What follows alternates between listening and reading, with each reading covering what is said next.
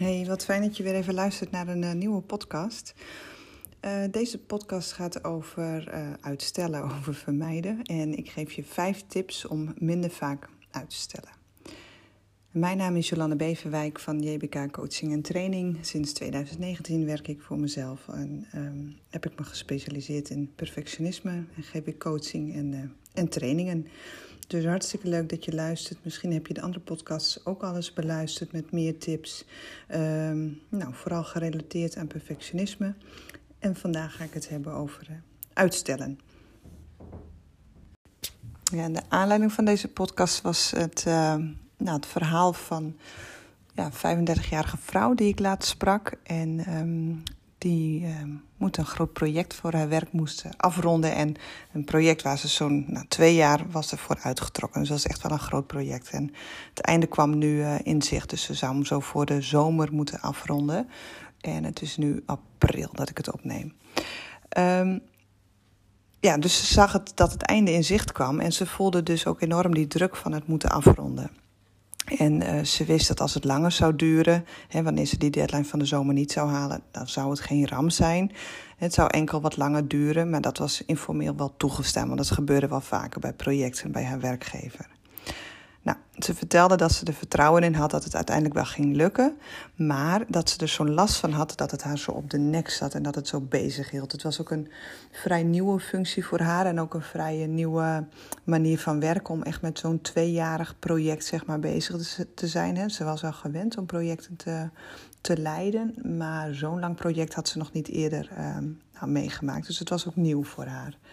Um, maar ze vertelde dus dat ze het gevoel had ja, nooit echt vrij te zijn, omdat ze er altijd wel iets gedaan kon worden aan het project. En ze maakte veel overuren en als ze thuis was, dan kon ze het ook moeilijk loslaten. En wat haar vooral dwars zat, ze stelde steeds uh, moeilijke taken die bij het project hoorden, die stelde ze steeds uit. En uh, dus dan hield ze zich bezig met een wat ja, makkelijkere, makkelijkere uh, eenvoudige, korte taken. En maar door het uitstellen van die moeilijke taken, die ook wat meer uh, tijd van haar in beslag namen, of waarvan ze dacht van, nou, ik weet niet of ik dat nou wel al zo goed kan. Um, door het uitstellen daarvan zorgde ervoor dat ze ja, steeds meer stress kreeg nu het einde in zicht kwam. En dat ze ook vaak aan het piekeren was.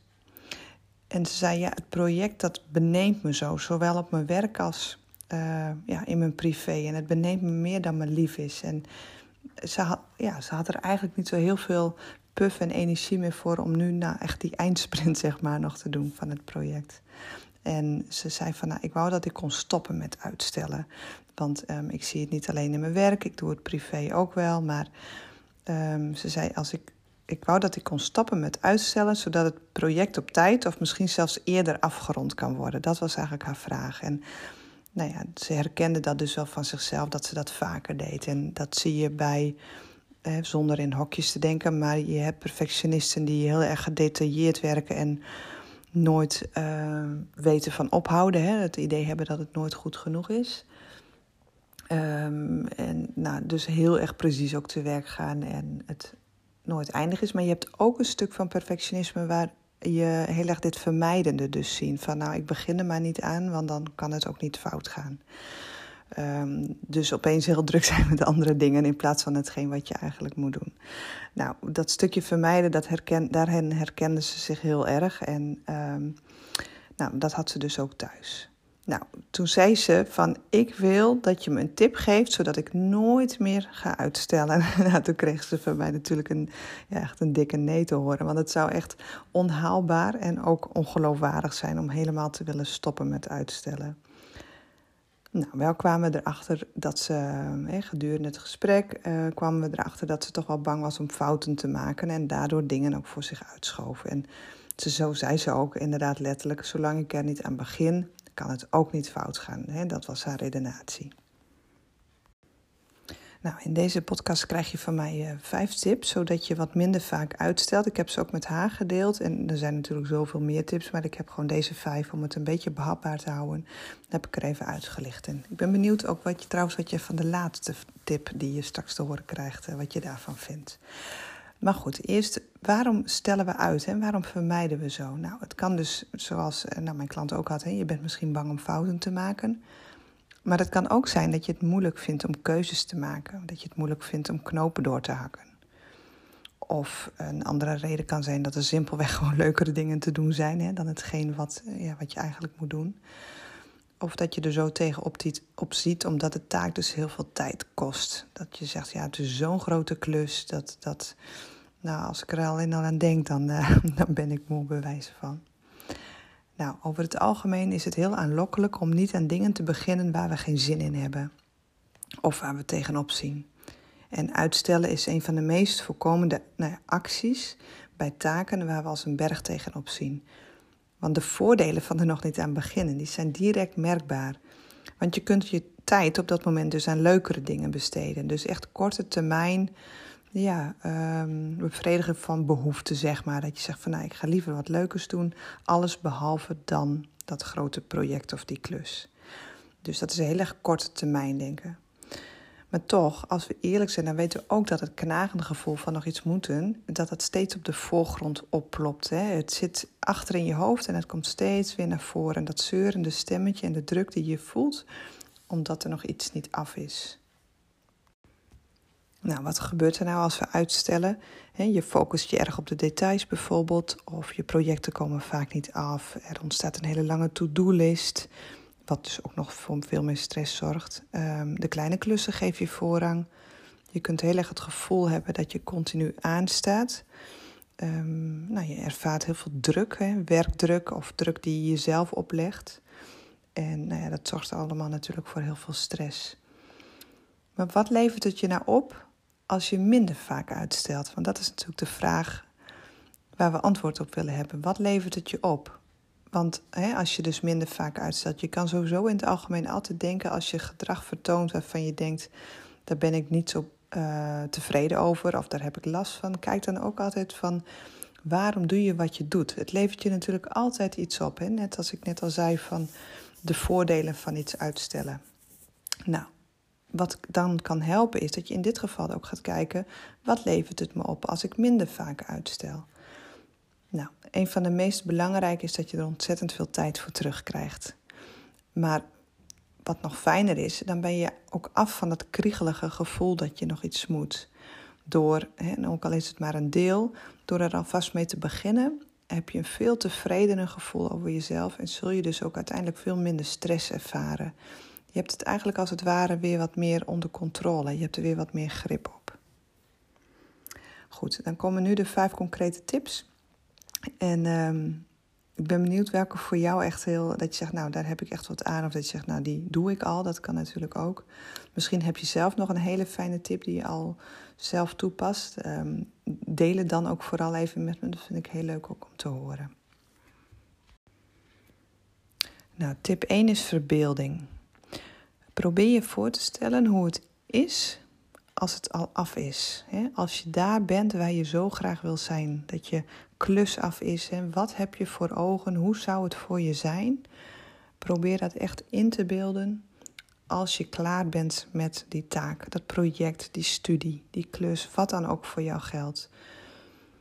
Um, want als je inbeeldt wat het resultaat is, als het af is, en hoe fijn dat zou zijn, dan kun je gemotiveerder raken om eraan te beginnen. Want je kunt je al, nou, je kunt het niet het bewijs van alleen maar voor je zien, maar je kunt het ook echt gaan voelen van, ja, hoe is dat dan voor mij als ik daar ben waar ik wil zijn?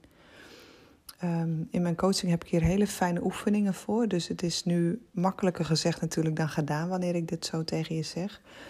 Maar ehm, met mijn coaching heb ik daar dus hele fijne oefeningen voor, zodat je dus ook echt kunt gaan voelen. Zodat je weet van ja, dit is het, hier doe ik het voor. Uh, tip 2, dat is de 5 minuten regel. En uh, de 5 minuten regel die is van toepassing op het moment dat je vaak uh, denkt in zwart-wit. Of in de zin van alles of niets. Begin gewoon maar eens. Vaak is beginnen het moeilijkste gedeelte van een taak. En hierbij kun je dan de 5 minuten regel toepassen. En de 5 minuten regel die werkt door iets alleen gedurende 5 minuten te doen. En dan kun je stoppen als je wilt. Als je een grote opruimklus hebt bijvoorbeeld, is dit een hele fijne. Bijna alles is wel vijf minuten vol te houden. En het is makkelijker voor jezelf om jezelf voor vijf minuten te motiveren dan voor vijf uren. En vaak is de klus niet eens zo heel erg als je er eenmaal mee aan de gang bent. Beginnen is vaak echt het moeilijkste deel. En als je eenmaal bezig bent, nou ja, vul maar in. De kans is groot dat je na vijf minuten denkt, nou weet je, ik maak het nog even, of ik maak het af, ik ga nog een paar minuten verder of wat dan ook. Die vijf minuten zijn echt zomaar om. Nou, tip 3, eet de kikker eerst. Um, we zijn geneigd om de makkelijke dingen op ons lijstje eerst te doen. Het is nou eenmaal een heel fijn gevoel om iets af te vinken, toch? Tenminste, ik hou heel erg van afvinken. Als ik met een, uh, mijn to-do-listje heb, van, uh, in mijn agenda's doe ik die altijd. Dan vind ik het heel fijn om gewoon nou, af te vinken of een strepen door te zetten. Um, nou, je herkent het misschien zelf ook wel op het moment dat je ochtends je computer opstart. Dat je zegt, nou, ik ga eerst even mijn e-mails lezen en beantwoorden. Nog even die kleine uh, post schrijven of andere tekst schrijven of even dat gouden telefoontje plegen. Um, al die kleine beetjes, dat kan heel erg het gevoel geven dat we hard werken. En dat doen we natuurlijk feitelijk wel, want het geeft je ook een gevoel van tevredenheid en voldoening. Maar je verliest ondertussen ook je focus en je energie voor die ene grote klus, dat grote project waar nog aan gewerkt moet worden. Maak eens voor jezelf een rangorde uh, van je taken of je to-do-listje, ga die eens anders indelen. Uh, vaak zet hem chronologisch. Maar ga hem eens indelen op een rangorde um, waarbij je het moeilijkste of het minst leuke klusje bovenaan zet. En als je dat gedaan hebt, en je bent ook daadwerkelijk met die klus begonnen, reflecteer vervolgens dan ook eens. Was het echt zo vervelend? Kost het echt zoveel tijd? Of viel het misschien best mee? Maar ook gaf het je voldoening. Gaan we naar tip 4. Ehm, beter half dan perfect. Dat is wel een cliché, maar ik heb hem er toch in gezet. Hij wordt er vaak vergeten. Je kunt best uitstellen, omdat je het liever goed doet dan imperfect. Um, stop daar vanaf nu mee. Want voor je eigen gevoel van voldaanheid en tevredenheid is het veel fijner om het half te doen dan perfect. Want dan heb je in ieder geval iets gedaan en bevestig je de vraag of het belangrijk is, uh, of belangrijker is dan het gedaan is, of dat het perfect gedaan wordt. En stel jezelf dan ook eens de vraag: wat zou er gebeuren als ik het niet perfect doe? Ja, en tip 5. Um, ehm, ja, hoe erg is het? Die vraag kun je jezelf ook stellen. Hoe erg is het? Want als je van jezelf al best kritisch op jezelf bent en je legt de lat altijd hoog, hoe erg is het dan dat je soms eens wat dingen uitstelt.